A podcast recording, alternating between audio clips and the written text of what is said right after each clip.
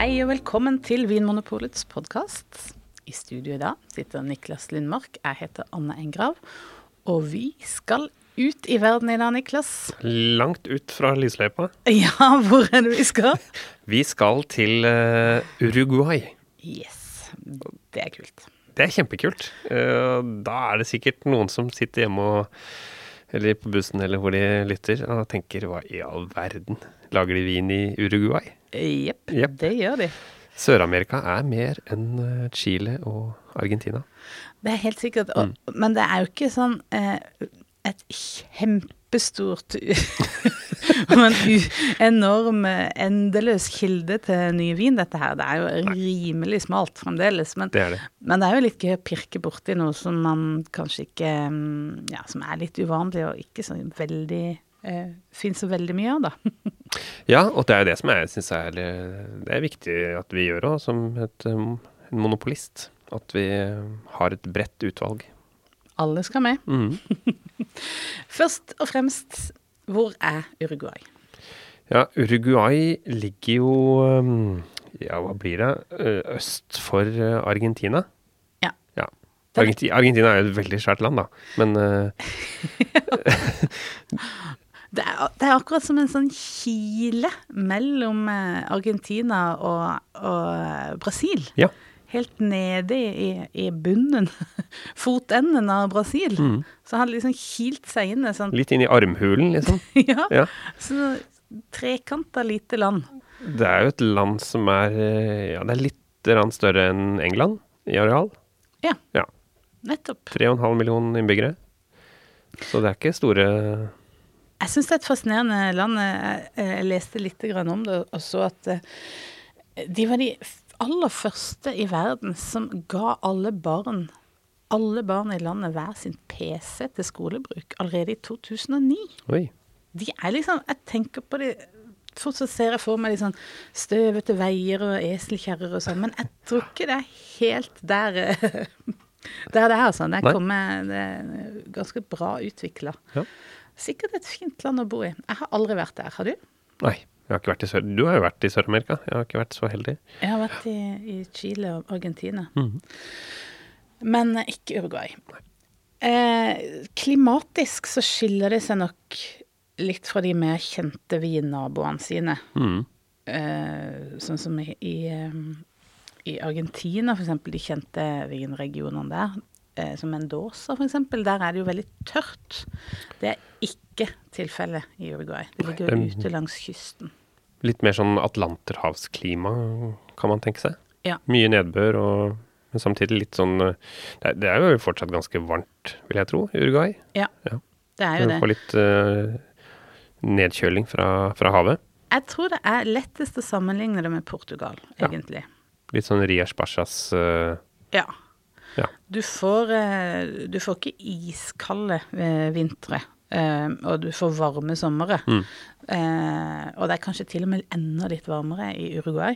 Uh, men det ligger sånn omtrent samme som det. Det Mm. ligger på samme breddegrad som, eh, som Stellenbosch og Margaret River, Casablanca-dalen i Chile. Ja. Men eh, det er denne her innflytelsen fra Atlanterhavet som har veldig mye å si for klimaet der, da. Mm, Kjølige vinder og, og fuktig. Mm. Jeg har også hørt Bordeaux bli nevnt som en sånn uh, sammenligning med, i forhold til klima. Ja. Ja. Det, og det er nok akkurat denne her Atlanterhavspåvirkninga, men nok litt varmere. Det er ikke så kjølig. Nei. Men, uh, men det er en god sammenligning. Så dette her er uh, Atlanterhavsregionen, kan Mm. man si. Ser vi det på druetypen òg, eller? Ja, for man er jo da avhengig av druer som takler en del fukt. Når det er både fuktig og varmt, så er det jo ideelle forhold for råte. Mm. Eh, så de har jo gjort en del sånn tiltak for å, å, å forminske det så mye som mulig. Eh, annet noen sånne spesielle oppbindingssystemer som gjør at det blåser vinden blåser gjennom drueklasen og tørker det litt opp. Mm. Men også at eh, druetyper som har litt tjukkere skall. Ja. Og det er jo først og fremst tanat, som er drua vi forbinder med, med Uruguay. Det er en rødvinsdrue. Mm. Det er jo Med en gang så er det en drue jeg tenker på eh, fra Frankrike også. Ja, Ja. ikke sant? Fra Madiran, eller sør, litt sør for, eh, sør for Bordeaux. Ja. Mhm. Og, og de har jo også noen sånne Bordeaux-druer, sånn eh, Cabernet Sauvignon, Merlot, Cabernet Franc. Mm. Men det er altså Tannat som har eh, utmerka seg. Og da er det eh, dette her tjukke skallet spesielt. Så de gir jo eh, viner med ganske fast tannin. Mye tannin i tannat. Mye tannin i tannat. Det er lett å huske. og, og ganske høy syre. Ja. Sånn lagringsdyktige viner. Tette, rike, dyp farve. Biffvin. Og det er jo ikke helt tilfeldig heller, for de elsker jo biff i Ja. Uruguay. Sånn asado. Ja. Ja, sånne svære grillselskaper hvor de griller alt mulig rart. Og pølser og biffer og De elsker biff. Ja. Og så drikker de Tanate. Og de, det har de, altså, de har drukket ganske mye vin um, i Uruguay. De er eh, helt oppe sånn, i toppen av verden sånn, per innbygger av hvor mye vin de drikker Ja. eh, hver seg. Men eh, eh, det har jo ikke vært så mye vin for eh, eksport. Nei. For så mye vin har de jo ikke lagd, så de har drukket det meste sjøl. Mm. Og, og nå begynner vi også å se en liksom endring på det. Mm. At det, det er blitt mer vin. Så det er liksom, de har litt til overs uh, av seg. Og det, det kommer eh, utenlandske, gjerne da, argentinske eller til og med chilenske eh, investorer og, og vinfirmaer som etablerer seg og, og ser muligheter i dette lille trekanta landet. Hvor, hvor lenge har de lagd vin i Uruguay? Ja, var det ikke fra 1600-tallet som man begynte så smått, og da var det jo europeiske eh, tilflyttere og nybyggere som tok med seg sine hjemlige tradisjoner. Men det var vel først da på 1870 så kom eh, Tanat Mm. til landet, og da ble det litt mer sånn schwung over sakene. Og at Mm. det ble mm, Det er vel kanskje derfra man regner den moderne vinproduksjonen begynte. Og utover eh, 1900-tallet så har det blitt stadig større produksjon og mer kvalitetsbevisst. Mhm. Lenge har man jo brukt sånn andre typer druer, sånne hybrider som ikke har vært sånne vitis vinifera, som er liksom vindruefamilien, da. Mm. Men nå er det mm, Nå er det en endring der også, og det er eh, som over hele verden så sprer kunnskap og kvalitetssynet endrer seg. Så nå, er- nå er de i gang. Full gang. Og, og de lager jo først og fremst rødvin. Og også bare for å si noe om strukturen på hvordan de lager det, så er det jo eh, omtrent sånn un, i underkant av 4000 druedyrkere. Og, men det er jo mange færre vinprodusenter, så det er liksom strukturert rundt at en familie kanskje dyrker druer, og så selger de det til vinprodusenten, mm. som eh, lager vinen. Så det er vel hva var det, 270 vinprodusenter i landet, og det er jo Ja, det er ikke mye. Nei. Og mange av de er ganske små. Mm. Så det er ikke sånn eh, enorme forekomster her. Er det noen andre druer som er vanlige da, enn tannat? Du nevnte jo disse Bordeaux-druene. Men hva med, hva med hvite, eller grønne druer da? Hvitvinsdruer? Ja, det har jo vært veldig begrensa med hvor mye hvitt de har lagd.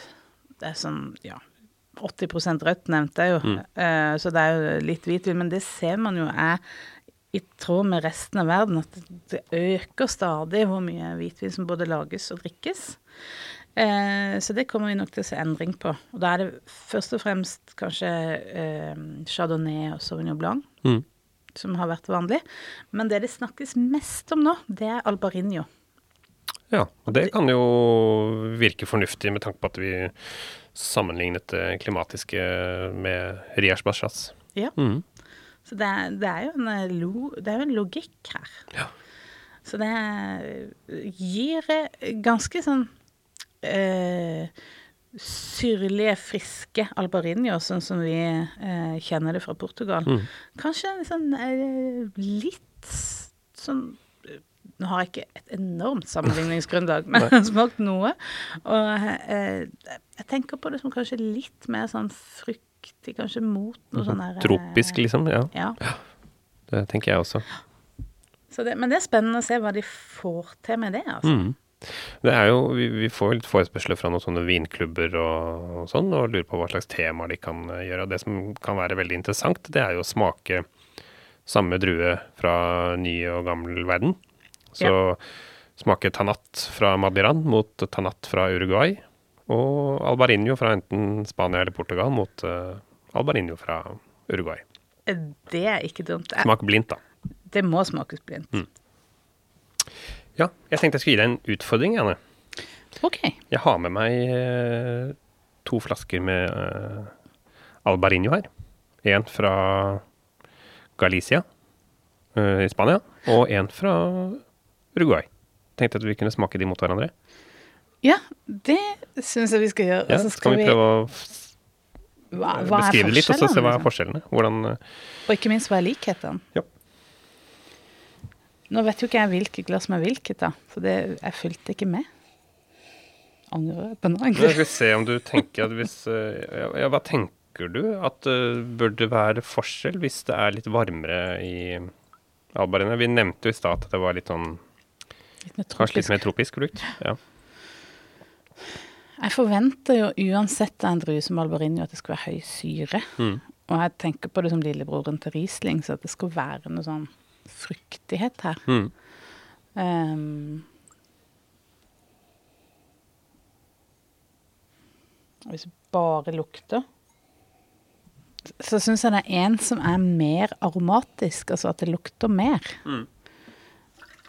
Og det er denne her vin nummer to, som jeg har i mitt høyre glass. Mm. Jeg syns den også lukter Den er litt mer sånn blomsteraktig. Mm. Jeg får sånn Riesling-aroma-assosiasjoner Mm. til dette. Nå syns jeg altså vin nummer én kanskje er litt mer sånn Hva skal jeg si? Litt mer undermoden stil. Litt mer sånn grønne epler og noen urter og den eh, kategorien, mens vin nummer to kanskje er litt eh, Litt mer i det der tropiske leiet, da. Ja. Litt mer sånn steinfrukt. Og så syns jeg også det er helt tydelig at den har mindre lukt. Den er mindre aromatisk. Mm. Så den er liksom litt mer tilbakeholden. Men ja, noe litt sånn steinfrukt. Jeg tror faktisk at jeg hadde tippa Riesling og ikke Albarino hvis jeg hadde fått til blindt. Ja, ja. Ja. Men det har jeg jo gjort på åpen mikrofon. Med skråsikkerhet. Så det er Ja.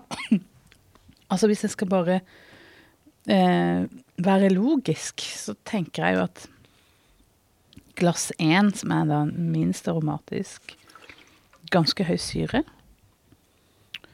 og mer sånn sitrusprega, Mm.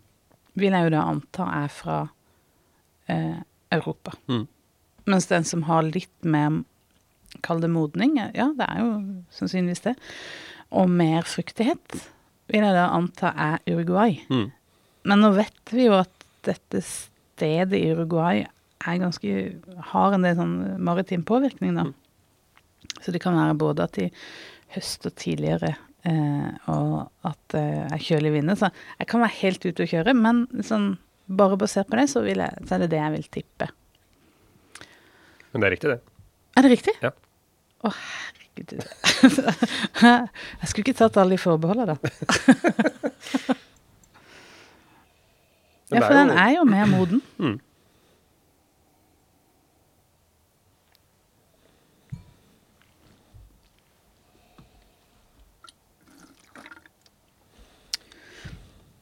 Til forveksling likt um, Riesling. Mm. Men det, det stemmer jo noe med det. Vi har også sagt mange ganger at uh, til Riesling-kunden nå at uh, prøv Albarino hvis man vil prøve et alternativ. Ja, som er helt likt. Mm. Nei da. Nei, men det er jo spennende å se at de At de klarer å, å få til så fine viner Mm. i et uh, relativt nytt vinland. Mm. Det var gøy. Hvor i, eh, hvor i Uruguay er det disse vinområdene ligger? Hvor, kan du si noe om de? Ja, det er egentlig sånn Strengt tatt så eh, dyrkes det litt vindruer over hele landet. Mm. Eller i hvert fall i 16 av 19 fylker. i, som det landet er delt opp i, da. Eh, men den alle, de aller fleste ligger rundt eh, hovedstaden Montevideo. Mm. Eller Montevideo, som jeg er litt usikker på om det heter. eh, og det er en, en vinregion som heter Canelones. Så det er den mest kjente, og liksom Det er helt sør i landet. Mm. Eh, ute ved kysten. Eh, og det har eh, litt sånn fine, eh, slake bakker. Eh, som eh, får litt av disse her vindene fra Atlanterhavet, men det ligger akkurat i sånn knekk, så den er liksom på vei inn mot denne her elva, eh, Rio Plata, er det vel, som, er, som skiller eh, Uruguay fra Argentina. Så den ligger litt sånn beskytta inne i, i et sånn her delta der. Mm. Jeg, jeg tenker på vinland i Sør-Amerika, det er jo lett å tenke Argentina og, og Chile, og det er jo veldig sånn Det er jo Andesfjellene og veldig høye fjell, og det er gjerne høydemeter som mm, benyttes for å på en måte få et godt nok klima. Eh, men sånn er ikke Uruguay. Nei, der igjen så skiller de seg ganske kraftig fra de, disse mer kjente naboene sine. Da. Mm. Og, og det er jo bare sånn kanskje 100 meters høyde, så det er flatt. Relativt flatt. Ikke noen dramatiske fjell og, i, i vinregionen, da. Og, ehm, og, og mer sånn Bølgete Bølgete landskap. Litt sånn. Toskana-aktig. Sånn, Ja. Kanskje enda flatere, til og Mm. med. og, eh, og det er jo mer enn nok vann også. Mm. Så det er ikke noe behov for eh, irrigasjon og Nei. Nei. Som sånn som man, i mange av de andre. de andre. Mm. Så det er, det er jo egentlig et eh, veldig fint land for vinproduksjon, tenker Mm. jeg. Det er logisk at det er her, her er det Her dyrker man druer og lager vin. Mm. Så det er det mest eh, kjente eh, vinregionen, og det kan jo også henge litt sammen med det at det har ligget så tett på hovedstaden, så der er det, var det lett å få solgt vin. Bare eh, rett utafor eh, stuedøra så hadde man eh, liksom et stort marked. Men mm, det er kanskje som det eh, snakkes det området det snakkes mest om nå i Uruguay, det er det som heter Maldonaldo. Fint navn. Det Ja. Det er en sånn rytme. Ja. Maldonado. Eh, og den ligger enda lenger ut mot kysten. Ja. Så her er det litt grann brattere. Altså relativt sett, det er Mm. ikke bratt, men det har litt grann mer bakker og mer eh, vind. Havvindene. Eh, så det blir på en måte litt sånn kjøligere klima, da. Mm. Så lettere holde druene sunne og råtefrie når det er mer vind, da. Mm. Hvis, hvis vi går tilbake litt til Tanat, for det, det er en drue som for meg er De vinene er ofte veldig sånne Veldig tette, veldig faste. Uh, men der har jeg også skjønt at det skjer litt, uh, litt nyere ting, eller en ny stil også, i Uruguay. Eh, det har man også sett andre steder, sånn som i, i Frankrike med Malbec, som også er sånn tett og kraftig. og Der lages det også sånn litt mer lettere og fruktere viner. Og det var jo en Tanat vi smakte nylig som bare hadde fem dager skallkontakt. Ja, det er helt vilt. Det er veldig lite for rødvin. Men det kunne man jo ikke gjette når man smakte vin, for Nei. den var jo dyp i farven, og den hadde jo, den hadde jo tannin, men det, Mm. var ikke, det var ikke veldig, veldig snappende. Så du Eller det var jo fast vin, men det var ikke sånn at man tenker her er det Dette var liksom eh, sånn Si at det var sånn snerp sju-åtte, kanskje. Sånn helt sånn vanlig snerp. Rødvinsnerp. Mm. Og det er kanskje den tendensen, eller en ny stil som vokser fram, da, uh, innenfor eh, denne Tanat-gruppa. Mm. At du kan både ha de der eh, tette, rike, dype vinene som man gjerne tenker på som litt sånn lagringsviner. Mens eh, nå er det også mer sånn der ferske, unge, mindre snerpende, lysere tanatter. Mm. Så det, det skjer ting. Det utvikler seg stadig. Mm. Litt i tråd med både etterspørsel og kanskje livsstil generelt. Ja. ja, men det er spennende. Men det er jo også da igjen morsomt for en liten blindsmaking. Nettopp. Mm. Absolutt. Ja, så jeg tror vi kommer til å se mer Mm. eh, fra Uruguay. Uruguay Kanskje ikke, kanskje ikke daglig, men det kommer nok til å dukke opp Litt drypp her og der. Mm. i små drypp. La oss ønske de lykke til Ja. på ferden. Takk for at du hører på Vinmonopolets podkast. Har du forslag til et tema i podkasten? Send mail til podkast at vinmonopolet.no. I tillegg svarer kundesenteret deg på e-post, chat og telefon.